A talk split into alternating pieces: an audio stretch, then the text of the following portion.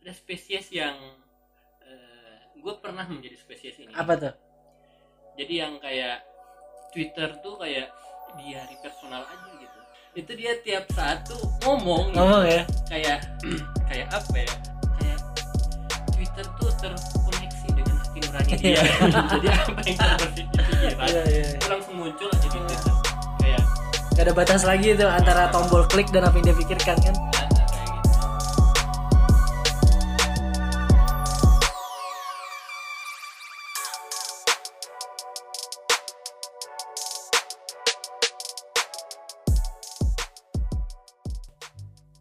oke cek. Tes. Ya eh assalamualaikum warahmatullahi wabarakatuh. Eh, balik lagi bareng gue Erda Pratama. Ini gue openingnya template banget. It's okay. Iya di channel podcast dari nol. ya. Nah ini kita kedatangan tamu spesial terhormat ya kan? Itu mentor gua gitu kan. Mentor gua dalam perihal oh. apa ya wawasan intelektual gitu rujukannya ke beliau banyak mungkin beliau sendirilah kenalan kenalan dulu bang ya biar teman-teman gua kenal lu gitu kebetulan beliau ini juga punya channel podcast gitu. Nah. Halo semua, apa kabar kalian? Semoga baik-baik ya. Eh, saya Tio. Saya sebenarnya bukan mentor sih. Saya justru yang kagum dengan eh, teman saya ini iya iya iya karena dia produktif banget ya di media sosial dan di platform Twitter dan TikTok juga ada ya. Nanti follow TikTok lu apa? TikTok lu? Erda Pratama Ada Pratama. Jadi saya pengen belajar banget dari cara berpikir dia terhadap apa media sosial dan lain sebagainya gitu. gua tanya dulu dulu nih Nah, sejak kapan lo bertwitter gue sejak kapan ya? Udah 9 tahun kayaknya. 9 tahun ya Ya, berarti pas pertama hmm berarti lo Cuma i- cuma apa ya? Cuma aktif lagi tuh 2 3 tahun ke belakangan ini. hmm, kenapa lo aktif lagi? Karena pengen curhat. Pengen curhat ya. Dan tempat paling jujur dan paling sepi itu di Twitter. di twitter ya? Nah, sekarang masih sepi nggak di twitter? Sekarang tuh udah rame udah banyak kerumunannya ya? Nah, dan gue pikir juga eh, ya nggak apa-apa tetap Hmm, curhat aja. iya iya bahasa kerennya sambat lah tuh. Oh sambat, sambat, ya? Bahasa jadi keren. bahasa Jawa sebenarnya cuma Nah, aku tuh kalau di twitter sambat sambat tuh kayak ngeluh gitu loh. Oh iya, apaan sih iya, ini nggak ada otak gitu gitu. Kayak gitu. Eh, iya ada akunnya itu kan? Ada gitu. Oke. Kalau lu nggak nanya balik gua gitu? Nggak tahu gue nanya apa. kapan gua bertwitter? Oh lu lu Eh, kapan bertweet oh iya, iya. gue sebenarnya dari SMP dari cuma SMP? twitter gue tuh isinya ngebucin Hmm. nge-retweet pacar gini-gini. Oh sama gue juga dulu nah dulu kan gitu. gue SMP dulu. Gue apa eh selamat pagi sayang. Nah pagi, Gitu kan. pagi juga gitu kan. Pagi al gitu kan. Di BBM sih dulu juga. Nah terus gue itu tuh nggak gue pakai karena kan mungkin ket- ketutup sama Instagram dulu Twitter tuh. Hmm, jadi gue run ke Instagram migrasi ya. hmm, migrasi gue tuh. Terus lu balik lagi dari Instagram berarti sekarang udah enggak masih sih. Masih ya? buat apa ya bagi gue Instagram sekarang tuh layaknya portofolio lu aja. Portofolio. Kayak si Tio ini siapa? Nah itu di Instagram tuh. Oh gitu. Kayak lu pernah ngapain aja Hmm, lu ini dipandang sebagai apa ya di Instagram. Bagi gue sih kayak gitu. Menarik. Jadi apa pun yang kita sekarang mungkin tulisan Bang Tio kan tulis tulis Erda ngeposting apa di Instagram itu ada hal yang ingin kita tampilkan ke khalayak gitu. Bagi gue seperti itu. Jadi Hmm. ketika nanti gua ngelamar kerja ya lu boleh cek Instagram gua yang sudah gue susun serapi mungkin bahasa gitu loh gue baru tahu itu. Ya kan? Jadi portofolio itu. Portofolio juga. Terus akhirnya lu memilih untuk ke Twitter. Ke Twitter. Dengan motivasi seperti apa? Motivasinya karena gue kayak mencari hiburan aja sebenarnya awalnya. Teman-teman gue kok rame banget ini twitteran nih. Hmm. Gitu kan. ada Oh, apa lu- sih lu gitu? mengalami apa ya? Fear of ah fear of missing out. something. Mm-mm. ketika gue jenuh di Instagram kok isinya iklan semua. Hmm. ya kan? Lu ngeliat story di Instagram snapgram itu Hmm. tiga kali ngeklik pasti ada iklan. Terus Hmm. setiap lu nge-scroll ke bawah ada iklan. Hmm. gue ngerasa ya kayak tempat sampahnya di sana pada akhirnya gitu kan. Ya jadi apa ya jadi terlalu banyak pengakuan yang harus lu akui gitu di sana tuh. Oh iya iya, iya. Perhatian lu banyak kebuang ke sana gitu. Iya terus sih beralih ke Twitter. ya, media sosial tuh kayak menyeret banyak energi kita ya kan. Betul. Kayak apa ya, kayak di ada namanya itu apa sih Eh, namanya itu jadi kalau dulu itu kan orang kalau misalnya pengen nyari berita atau misalnya baca koran atau misalnya baca majalah Ya. sebelum dunia digital hadir kan pasti akan ada halaman terakhir ya ya pasti misalnya oh, beres ini beres baca koran atau beres baca majalah ya udah selanjutnya kita mau ngapain Hmm. Tapi kalau misalnya kita scroll di beranda media sosial itu kan nggak ada tak berkesudahan itu berkesudahan jadi kayak misalnya makan sup tapi Hmm. supnya itu nggak ada dasar iya di betul mangkoknya itu nggak ada dasar jadi dulu dibuat tenggelam di sana ya nah nah ini ada seorang psikolog yang bilang ini namanya eh, sup tanpa dasar Hmm. namanya fenomenanya. Jadi semakin sesuatu itu terlihat banyak, Ya. semakin kita pengen itu pengen makan-makan Hmm, terus, terus ketagihan jadinya ketagihan. Karena beranda sosial itu nggak ada halaman akhir, nggak ada benar-benar halaman akhir. Jadi kita selagi lu merasa- punya kuota Ah, iya, selagi masih itu akhirnya Eh, itu selagi lu punya kuota masih masih punya kuota, tapi kan sekarang kita dikepung oleh wifi Hmm, juga ya. Betul betul Dan kalaupun kita habis kuota ya teman-teman yang lain mungkin Masih ada. masih ada kuota gitu.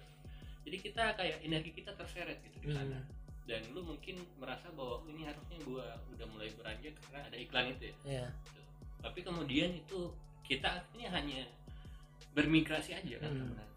Energi kita hanya pindah dari satu supraksasa iya. ke supraksasa yang lain gitu. Tapi ya Twitter ini memang sekarang lagi rame. Lagi rame banget. Mm. Eh, menurut lu kenapa itu rame bang? Kenapa ya lagi rame? Karena mengakomodir kecenderungan dan kebutuhan alami orang gitu mungkin? Ah itu bisa jadi. Bisa jadi ya. Kebutuhan alaminya seperti apa kayak misal eh, apa ya lu kan manusia apalagi misalnya cewek aduh ini kita bawa bawa cewek lagi manusia Oh, iya. dah Ah. manusia itu kan suka ngegosip gitu nah di twitter itu kan wadahnya ngegosip gitu gitu oh iya, lu iya. tahu istilah anak twitter nggak ngegosip tuh apa Apa? nge-spill gitu loh Oh, spill spill jadi spill itu ngungkap aib orang gitu loh Gila, pemerhati media sosial. nge-spill gue mau nge-spill Tio nih dia salah satu predator seksual di unpas Hmm. hukum misal gitu Oh iya, gua lihat kayak gitu tuh Ah. semacam gitu nge-spill namanya nah itu salah satu dari hal yang diakomodir oleh Twitter mungkin gitu. Iya, ada apa? Ada pertukaran informasi Betul, di sana. hmm. Entah pertukaran informasinya itu berupa spill itu ya yang menggosipin orang atau misalnya kayak ada berita baru. Jadi kalau misalnya gua itu ketemu sama teman-teman itu kalau dulu ya sebelum gua aktif lagi di Twitter itu orang-orang tuh pada bilang "Ih, ini dapat berita dari mana dari Twitter Hmm. gitu. Jadi kalau misalnya gua sih imigrasinya karena lebih update gitu. ya betul sepakat Lebih update. Dan kebetulan pas di sana ya energi gue terseret dan akhirnya curhat gitu. curhat sana Tapi enak juga curhat di Twitter itu kan kayak nggak sendirian aja gitu. ya kita merasa ada teman walaupun anonim gitu loh Ya walaupun anonim. seolah-olah oh ternyata Tio juga sama ya Hmm. jadi gue retweet ah gitu loh ah iya. mungkin ada kecenderungan kayak gitu ya Dan apa ya? Lu ada nggak misalnya temen kayak eh, dia di media sosial tuh kayaknya lebih cerewet daripada ada di dunia nyata gitu. ada Gua, gua banyak kayak Hmm. gitu dan media sosial itu akhirnya menampilkan wajah yang pengen kita tampilkan di dunia nyata. Tapi kita kayak susah gitu. Tertahan oleh kayak iya. konstruk masyarakat ya. Atau misalnya kita kurang bisa berekspresi Hmm. secara fisik tapi bisa secara digital. Hmm. kayaknya itu juga yang bikin orang tuh kayak senang di media sosial gitu. Dia memiliki apa ya, komunikasi dia bisa berkomunikasi sesuai dengan yang kita impikan di dunia Ya. nyata yang susah itu juga bang kata apa Davidowitz itu di Hmm. apa bukunya yang Everybody Lies tuh jadi ketika orang hadir atau memegang gawai teleponnya itu kemudian dia berselancar di sosial media dia merasakan suasana privat yang paling privat itu. Ya padahal dia mengupload sesuatu yang menunjukkan Ya. dirinya ke halayak gitu. Nah itu paradoks banget sih. Paradoks banget tuh. Sementara lu tidak kebayang gini Mm-mm. in real life ketika lu mengupload sesuatu hal nih misal lu berpakaian seksi Mm. lu ke mall Mm. kebayang lu dilihat oleh juta apa puluhan pasang mata orang Nah, itu di mall tuh. salah satu yang ngelihat itu ya gua ma- gua arah sana gua Oh, coba iya, selami iya, ke sana gitu kan siap siap nah lu soalnya dilihat berapa pasang mata gitu sementara Hmm. ketika lu ngupload lu di Twitter atau di sosial Hmm. lain lu ngerasa dulu tuh kayak privat banget toh orang-orang lihat adalah anon juga kok atau Hmm. anonim banget kok gitu padahal yang lihat tuh ada follower follower follower lu gitu Iya. Nah itu paradoksnya ya, apa ya? Justru kita merasa eh, merasa oke-oke aja di tempat seramai Twitter gitu. Iya. Karena apa? Kita nggak berhadapan langsung dengan Betul. orang ramenya Hmm. mungkin ya. Tapi kenapa orang ada beberapa temen gua yang mereka itu justru lebih ekspresif dan lebih merasa pede itu justru di media sosial yang sebenarnya jumlah audiens mereka itu lebih banyak daripada di dunia nyata. iya benar benar benar gitu ya. ngobrol apa ngobrol bertiga aja misalnya sama gua dan beberapa kawan itu kok malu-malu dan ngobrol rame-rame di media sosial tuh kayak kayak apa kayak kayak pede banget gitu. karena orang nggak nyadar bang bahwasanya apa ya yang membuat kita sadar adalah realitas yang paling real Hmm, berupa fisik nih kan hmm, ketika kita banyak gua akan insecure gitu. Tapi di sosmed hmm. itu kan nggak kelihatan fisiknya gitu. Jadi kita seolah merasa kayak nah itu, oh ini orang orang-orang yang ada di Twitter hanyalah sekumpulan bit data ah, yang memberikan aku attention gitu loh. Ya itu jadi dia dipandang sebagai satuan bit data gitu aja Hmm, bukan manusia kayak Laka Tio gitu. Iya iya. Nah itu bisa jadi hal yang menarik juga sih menurutku. Maksudnya apakah itulah eh, dimensi sosial dari media Iya, sosial betul. soalnya dari dulu gua nyari-nyari apa sih yang sosial dari media sosial itu ketika orang lebih seneng mengomentari apa misalnya konten orang lain di media sosial Hmm. padahal ada orang lain di samping yang bisa diajak Ah. ngobrol gitu nah mungkin itulah sosial yang sosial dari media sosial itu dia mengakomodir cara berekspresi orang yang tidak bisa diberikan di dunia nyata Hmm. gitu. dan Twitter kayaknya banyak memberikan itu iya maksudnya begini ada beberapa lelucon aneh banget. Kita yang ketemu yang kayak mana nih yang kayak mana? Banyak banget misalnya lelucon kayak yang tusbol tusbol tadi oh itu. iya iya. Misal gini. Itu jadi kalau di dunia nyata itu dianggap freak banget. Ah, yang yang apa ah gue nggak mau temenan lagi ya. Tapi cara ngejokes lu kayak gitu betul gitu. tapi kamus Twitter anjir. Konten kayak gitu dianggap sebagai basic jokes yang basic banget. Justru tapi dengan syarat lu punya follower banyak dan lu tuh seleb tweet gua. Iya, maka lu da- lu layak untuk di retweet dan di like gitu iya, iya, karena iya. seolah orang merasa oh sama nih aku juga ngerasa kayak Tio Ada nih relate gitu ada ya. relate gitu Mm-mm. misal kayak artis gitu kan dia dia Hmm. ngomen kayak "Eh, kalian sahur pakai apa gitu kan ada Hmm. yang ngebalas gitu terus apa namanya menjadi rumah untuknya doesn't make him stay gitu kan dari seleb tweet gitu kan Iya. banyak yang retweet hampir 1,1 ribu nih mungkin ada sekitar seribu orang yang merasa hal yang sama gitu. Ya ada. mungkin ya. Ah, tapi Betul. dengan syarat ketika lu mau kayak gini lu harus punya follower banyak. Bahasanya nah, itu gitu. juga. dan good looking. Nah. Nah. Ini menarik nih jadi hmm. kenapa ya? Jadi media sosial itu adalah platform paling multi ideologi gitu. Oh, iya, iya. kebetulan yang ramai liberalisme kan dan lu memandang keindahan itu terserah lu keindahan ada di mata orang kan kalau kata Harari kan Ya. humanisme itu libertarian itu Iya, maksudnya banyak orang yang ya kita mau ngata-ngatain orang ganteng nih. enggak oh, gua nggak ganteng juga bukan berarti gua iri cuma ya itu yang terjadi ada itu gitu ya jangan-jangan maksudnya ya itulah cara dunia bekerja gitu Iya. ya. Yang enak dipandang itu yang paling Heeh. banyak.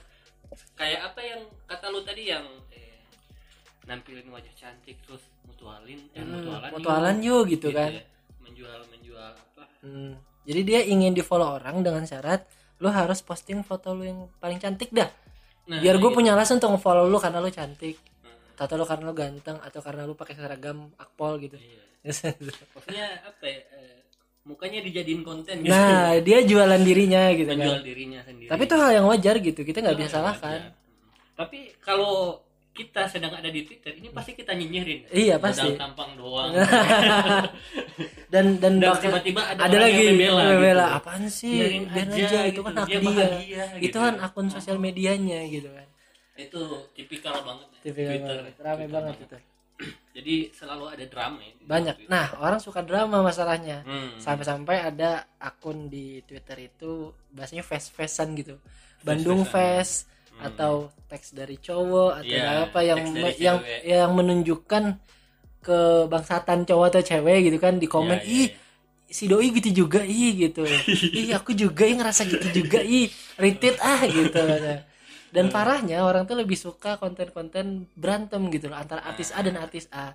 Lu Junta Luna dan A misalkan. Oh ya dan pak dan lucunya ketika lu misalnya nggak ngikutin berita itu mungkin suatu saat diingat di remind sama orang yang secara altruis atau uh, secara sukarela Hmm. merangkum pertengkaran orang itu dalam tweet lu gitu jadi orang tuh biasa melarikan dari dunia nyata melarikan diri dari Hmm. dunia nyata itu pergi ke Twitter kan karena bosan nah di ada seorang psikolog yang bikin buku akar kekerasan Hmm. Eric Fromm orang tuh kalau bosan kecenderungan tuh nyari ini berita kecelakaan Hmm. sama berantem makanya yang paling menjual tuh misalnya kayak berita berantem atau misalnya ada konfliknya ya Keanu sama siapa sih ya sama Luna lu itu cinta ya Luna kan? itu kayak anu ya sama apa sih yang baru-baru juga yang kayak predator seksual itu Hmm, ya. pakai kacamata Nah, fuckboy fuckboy gitu orang-orang berantem di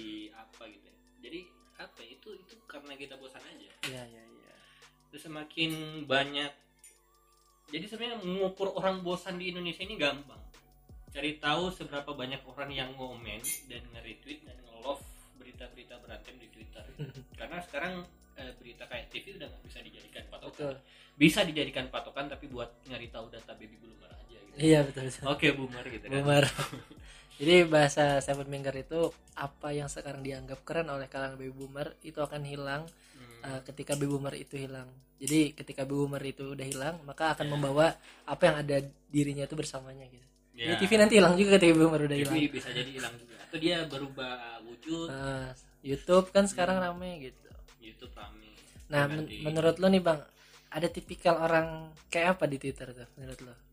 Oh iya, jadi eh, beli- jadi Indonesia ini sekarang tuh ada tiga mahkamah ya, ada tiga institusi kehakiman tertinggi. Hmm, Pertama tuh Mahkamah Agung. ya. Mahkamah Agung itu kalau kayak ada kasus pidana itu biasanya dinaikin di sana itu mahkamah tertinggi lah. Hmm, Kedua itu Mahkamah Konstitusi. Mahkamah Konstitusi itu kalau buat memutuskan apa perkara kayak impeachment presiden hmm, dan misalnya judicial review ada undang-undang yang tidak sesuai dengan undang-undang Hmm. dasar. Yang ketiga itu mahkamah netizen. hmm. Mahkamah netizen itu urusan pidana, konstitusi, perdata sama urusan dunia akhirat itu dihakimi semua. Dihakimi semua, Dihakimi ya. semua. Itu udah setara sama mahkamah ilahi lah. itu jangan-jangan di padang masyar itu ketika hari penghisapan nerakanya itu apa? Dibully sama netizen. Makanya kan ada istilah Yunani zaman dulu tuh Fox netizen Fox Day gitu ya. Suara Artinya? netizen itu suara Tuhan. Ya, sekarang Ya suara netizen. Dan netizen tuh maha tahu banget. betul. Nah, sampai-sampai akhirnya eh, apa ya? Jadi ada satu kecenderungan netizen yang sangat tipikal itu judgement. gitu. Judgment. Kita itu suka menilai orang lain, suka apa ya?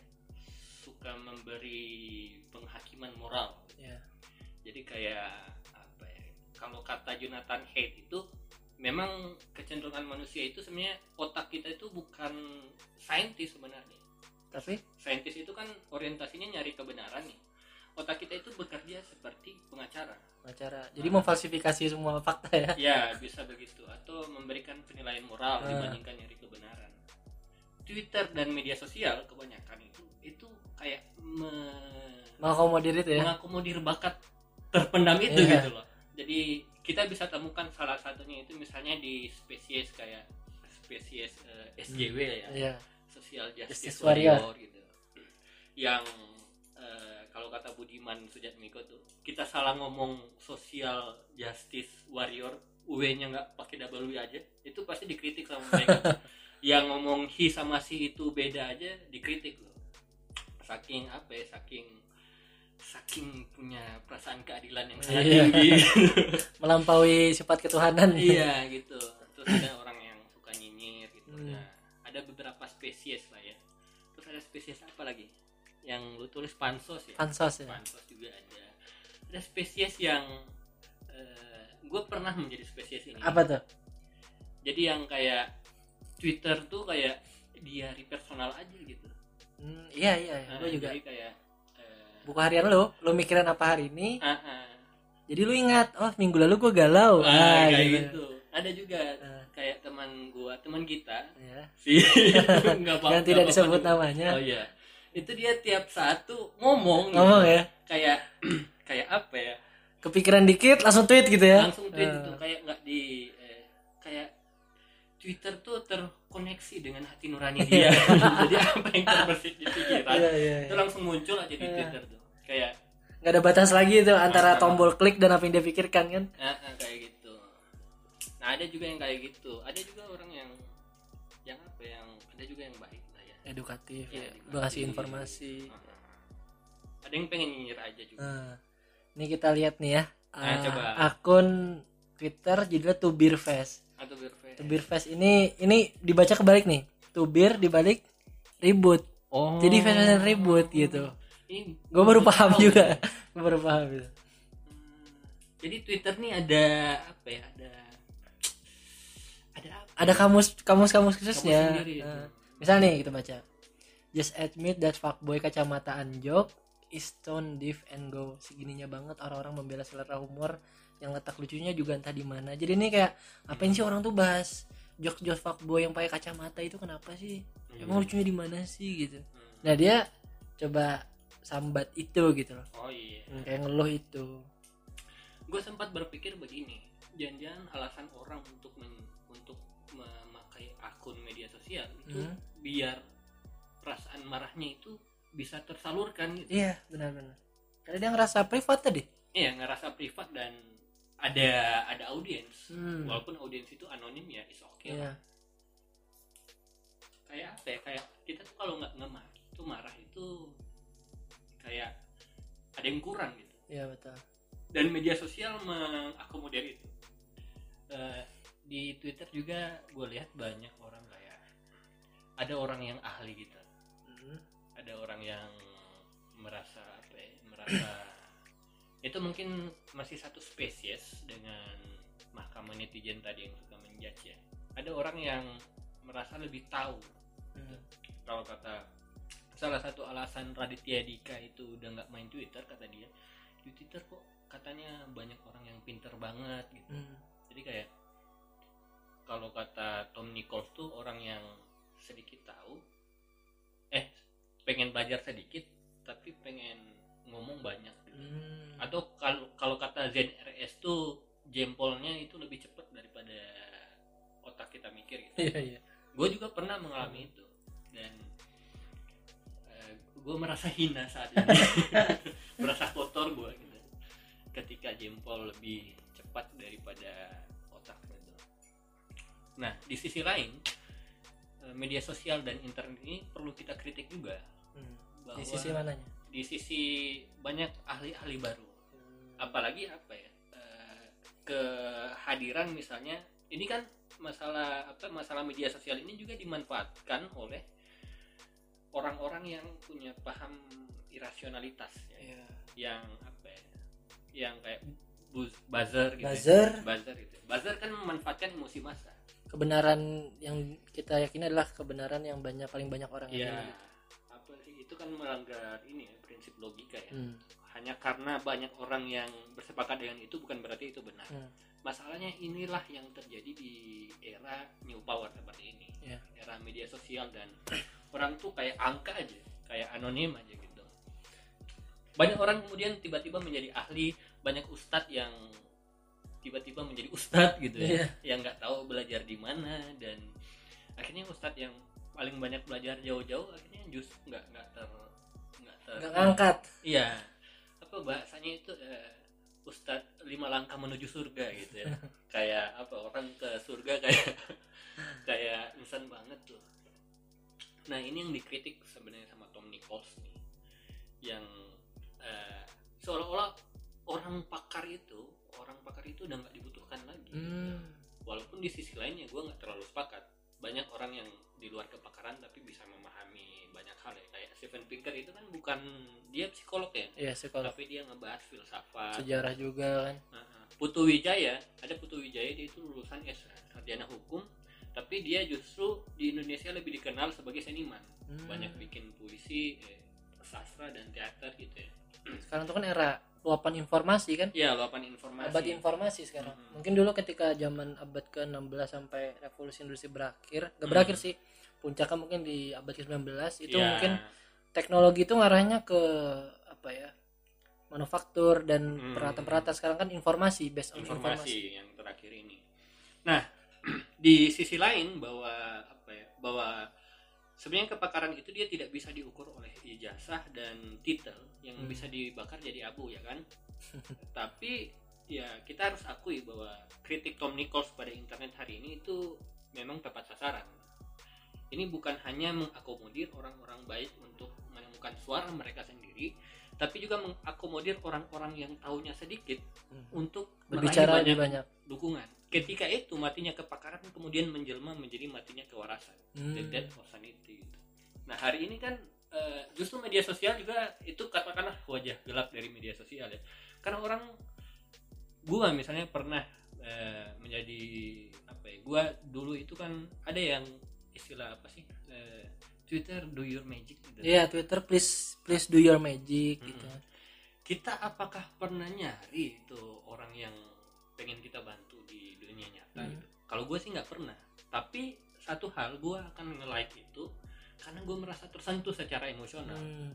Yang penting emosi kita tergerak aja gitu Betul. kan. Gitu. Tombol emosi kita tertekan gitu dan kita kemudian tercapture di dalam Betul. itu, terseret kita di dalam gerakan itu. Nah itu yang pernah membuat sampai eh, Trump terpilih kan juga gara-gara Twitter ya. Jadi satu hari atau beberapa hari sebelum Trump terpilih itu eh, kalau nggak salah di hack itunya Hillary Clinton dan kemudian bocor berita-berita emailnya dia dan ya Twitter sempat berkontribusi untuk membuat Trump terpilih Hmm. begitu karena ada masa yang tergerakkan Iya. di situ. Ada juga sih sisi gelapnya media sosial itu dan sejauh ini media sosial yang paling banyak berpengaruh terhadap perubahan-perubahan itu perubahan yang besar yang terjadi di belakangan ini itu adalah Twitter. Dibandingkan Facebook yang hanya terbatas 5.000 orang Iya. Instagram yang hanya memampangkan muka. Instagram mungkin menjadi salah satu bagian tapi dia selalu bermuara dari muara itu apa? Awal ya? Iya awal. Bermuara dari Twitter pada akhirnya. Hmm. kayak ada juga sisi baiknya memang. Eh, kayak Twitter tuh eh, pernah men- pernah digunakan untuk melawan tirani misalnya. Misalnya eh, Arab Spring Iya. yang terjadi di tahun 2001 yang apa ya itu kritik orang rame-rame terhadap rezim di Tunisia dan Mesir sehingga mendorong orang-orang Timur Tengah untuk kembalikan demokrasi. Ya. karena saat itu sistem pemerintahan itu otoriter. Sampai sekarang juga masih apa ya masih masih all power lah masih terkomando pada satu orang. Apalagi Arab Saudi kan Iya. yang monarki gitu nah Twitter tuh pernah pernah apa ya? Twitter tuh bermula dari Twitter akhirnya Arab Spring itu mulai diwacanakan. Kemudian ada juga yang yang kita ngobrol tadi tuh yang gimana Harvey siapa tuh ya? Hmm. Harvey Weinstein gitu ya yang dia produser film. Oh ya dan dia punya banyak apa banyak namanya artis nominasi, nominasi. Oscar. terus dia punya akses politik ke Ratu Inggris. Betul. Dia punya akses media banyak punya klaim yang besar dan punya bergen yang kuat Iya, juga dan dia juga punya kenalan firma hukum yang kuat juga. Hmm. Dia itu bisa membuat seorang bintang, seorang artis itu menjadi bintang dalam satu malam dan juga bisa menjadi sampah dalam satu malam. Hmm. Sampai karena dia merasa terlalu berkuasa, akhirnya dia merasa bebas untuk melakukan apa ya, pelecehan seksual ya terhadap artis-artis perempuan tertentu. dan artisnya diem gitu kan gak berani ngapa-ngapain akhirnya diam. Dan ketika misalnya mau digugat, ini karena dia punya duit dan pengaruh yang banyak, akhirnya dia bikin firma hukum itu untuk nyari nih celah si Hmm. apa eh, lawannya dia ini. Akhirnya kan dibungkam, dibungkam, dibungkam. Sampai suatu ketika ada satu artis yang melawan. Dia hanya pakai hashtag apakah kau merasakan hal yang ya, sama gitu Me kan Too. me too Me kan Too. Apakah kau kamu merasakan hal yang sama? eh, The power of hashtag, ya hmm. kan? Gue juga Gua gitu juga. Nah Gitu. tiba-tiba ada artis lain yang pernah mengalami Hmm. hal yang sama gitu. Terus dia menceritakan pengalaman dia. mitu mitu tiba-tiba bikin treat kayaknya ya. Iya, ini cerita itu. aku di Nge-spill. eh, nge-spill uh, sutradaranya gitu iya nge-spill out itu ternyata predator juga sih kamu Iya. harusnya dimasukin ya Ah. nah tapi akhirnya dia pakai kacamata nggak nanti kita edit pakai Adobe lu kan anak Adobe ya nah akhirnya gerakan itu ini bisa mengalahkan eh, si Harvey Weinstein ini. Hmm. yang dia secara hukum nggak bisa kena. Media itu dia bungkam dan dia dia ini loh eh, aksesnya luas anak nongkrong dia. Hmm. nongkrong bareng apa ratu Inggris ya kayak gitulah. Akhirnya bisa dijatuhkan oleh eh, Twitter itu. Jadi di sisi lain memang eh, ada sisi gelap dan sisi ya. terang juga ini media sosial. Dan Twitter barangkali adalah apa ya, Platform. motif platform yang paling banyak menggerakkan itu makanya gua nggak heran ketika ada aksi kemarin tuh yang anti korupsi itu Iya. yang RUU apa RUU KPK sama KUHP itu Hmm. mau dibikin orang itu kan ketika dia turun ke lapangan apa sih eh, tulisan-tulisannya itu kan diambil dari Twitter iya ah. Yang lucu-lucu itu kan yang ya. lucu-lucu ya Ah, kaum rebahan harus turun Ah. gitu gitu kan itu gua rasa itu berangkat dari Twitter hmm. jadi ketika ada eh mereka merasa oh ini gede banget nih Hmm. isu ini nih. SJW SJW ini kemudian eh, ngikut gitu ya ngikut itu dan berpartisipasi lah Hmm. Jadi yang kemarin kita lihat demo yang terjadi besar-besaran kemarin itu sebenarnya eh, apa ya, representasi dari Twitter kalau Iya, menurut gua, iya, iya. menurut gue. Ini berapa menit? udah 35 menit kita nih sampai 40-an lah ya Ya, apalagi nih yang pengen kita bahas. hmm. Nah, itu gua kepikiran itu sih soal Twitter ya. Jadi eh, kalau kata siapa sih Jeremy dan Renal Kasali Lihat Kasali itu New Power. New Power Nah, gue juga baru tahu dari lu tuh New Power tuh. New Power itu generasi baru lah Ya. pasca baby pasca baby boomer mungkin ya yang mana hidupnya itu sangat berbeda dengan generasi Iya. sebelumnya Jadi kalau di boomer tuh perubahan itu didorong oleh satu orang Hmm. pemimpin sifatnya komando. New power tuh perubahan Tim. didorong oleh Kolektif. crowd. Crowd. Ah, kolektif kerumunan itu kayak misalnya platform kita bisa hmm ya kita bisa itu kan sama kayak apa lagi ya Twitter lah ya ada yang menarik ini sebenarnya dari dari konten-konten ini Mis eh, jadi kalau nggak salah udah baca tuh di mana ya? eh di bu- masih di buku Renat Kasali deng Hmm. di bukunya The Great Shifting itu kenapa kita aplikasi kita bisa dan crowdfunding lainnya itu Eh, banyak crowdfunding. banyak mendapatkan banyak donasi Hmm. itu karena dia menggunakan satu prinsip yang digunakan juga oleh Bunda Teresa. Jadi prinsipnya tuh jika aku melihat banyak orang dan kerumunan, aku tidak akan tergerak. Tapi ketika aku melihat satu orang, maka aku akan tergerak. Hmm. Makanya kok yang sering dijual di Twitter dan mungkin kita bisa itu adalah kasus perorangan. Kasus personal. Misal di kita bisa, Iya. tolong dong ada yang mau bantu nggak? Ini bayi tumor gini-gini, bayi Iya, iya, on individual level, level sendirian aja dia. Sama di Twitter, oh ini ada salah satu fuckboy dia predator seksual di UI atau UGM kan Iya, satu iya. orang gitu loh. pakai apa mereka pakai Hmm, storytelling pakai storytelling Hmm. gitu.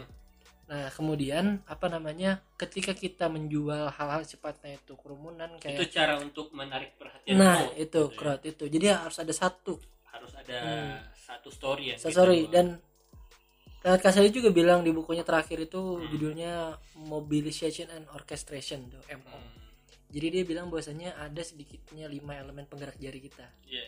Apa aja? Gue lupa. Cuma ada sekitar beberapa yang gue ingat. Misal proximity. Proximity itu kedekatan. Seberapa relate konten itu dengan diri lo. Iya, iya, Ketika lu merasa relate, minimal lu retweet atau lu klik atau lu komen.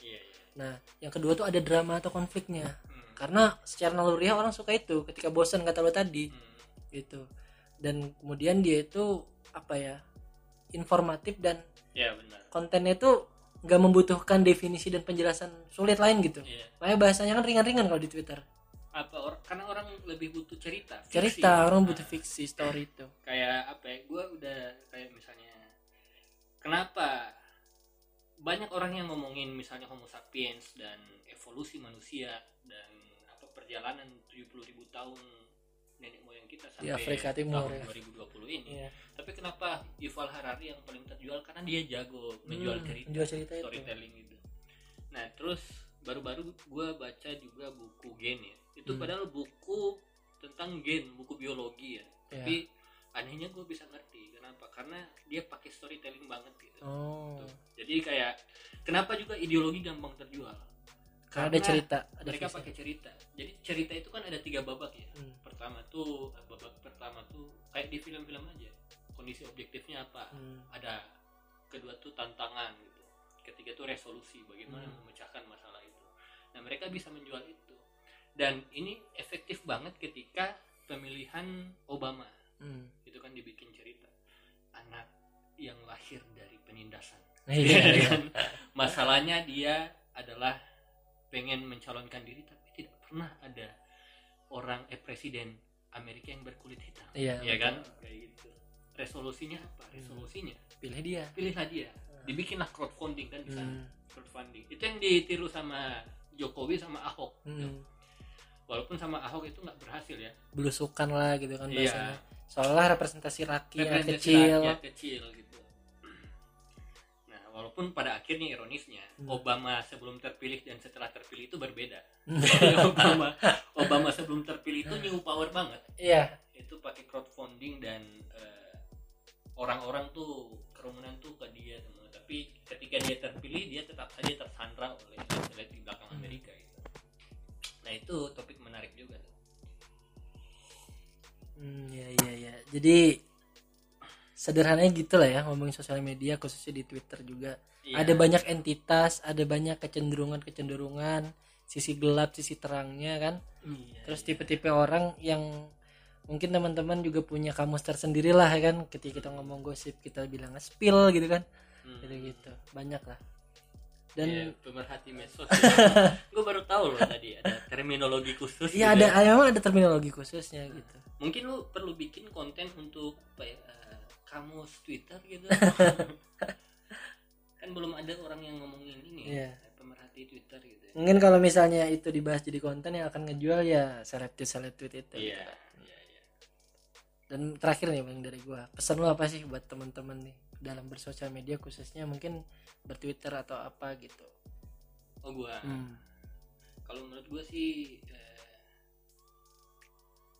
I think before sharing sih. Ya, thinking before sharing ya. Ah, ah. Nah, hmm, kalau gua ya, gua mungkin ini follower gua dikit, yang bisa gua pengaruhi dikit ya.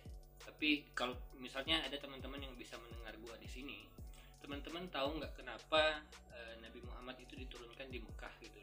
Karena itu tempat paling gelap ya, zaman jahiliyah, jahiliyah banget lah gitu.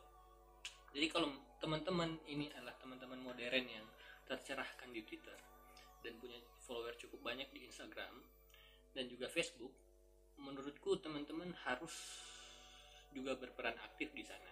Hmm. Karena kalau menurutku ya pribadiku eh, Instagram tuh kayak zaman jahiliyahnya media sosial. Iya. Em, Siapa pun ada di sana gitu. Nabi-nabinya ada, penjaga Iya. ada gitu kan. karena apa pun yang mereka posting itu adalah berhala mereka. Nah, betul. Gitu. Dan tiap orang itu me, apa ya, me- mengupload eh, Tuhannya mereka masing-masing. Siapa itu diri mereka sendiri dan setiap likes dan komentar itu seolah-olah doa gitu. ya. Hmm. Apalagi doa yang kayak eh, cantik gitu. Kamu juga cantik. gitu. Eh, apa bahasa basi bangsat tadi ya. Iya.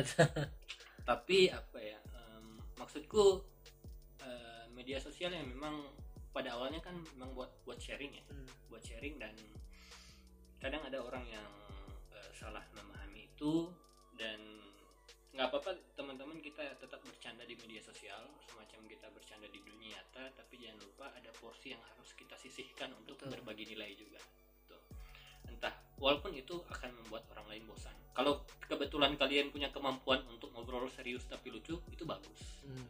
tapi kalau nggak ada ya kalau kalian cuma bisa lucu doang dan serius doang ya udah lucu doang tapi sisihkan waktu untuk berbagi nilai Iya. Betul, betul. untuk mengingatkan satu sama lain Kalau gue sih sederhana sih kalau dari gue. Apa namanya? Kita kan sebagai new power ya atau generasi baru sekarang. Mau lu definisikan sebagai generasi apa milenial tuh udah gue udah bosan tuh. Gara-gara status milenial ini kan jadi kita Iya. pakai new power lah. Gue dengar Hah? ini katanya Baskara Putra mau diangkat ya, jadi status karena merepresentasikan milenialnya iya, mungkin ya. peradaban ini. Peradabannya. Jadi kita sebagai Unipor itu banyak platform ataupun resources sumber daya dan tools yang kita punya salah satunya sosial media. Nah kemudian hal itu bisa menjadi pisau bermata ganda gitu. Itu bisa jadi senjata untuk membunuh orang atau menyelamatkan banyak orang gitu. Kayak tadi bang Tio share lah konten-konten positif gitu kan.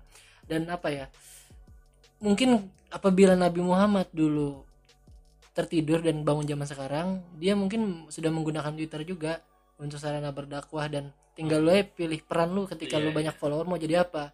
Mau jadi mau jadi nabi-nabi 4.0 bahasanya yang memberikan banyak kebaikan Ya, mengambil peran kebaikan itu. lah satu tweet. satu ayat sebenarnya cuma satu tweet. Nah atau lu mau menjadi apa namanya penjahat gitu kan. Terserah lu aja tuh. Tinggal lu gunakan dengan bijaksana gitu. Ya, ini konten normatif sebenarnya. Cuma kalau teman-teman apa namanya direfleksikan lagi mungkin akan kerasa kok dampaknya gitu. Ya itu aja bang dari kita bang ya? Iya sih. Mm-mm. Sebenarnya ini udah lebih daripada yang kita iya bicarakan ya. tadi. Tapi ya semoga teman-teman paham lah maksud maksudnya ke mana gitu.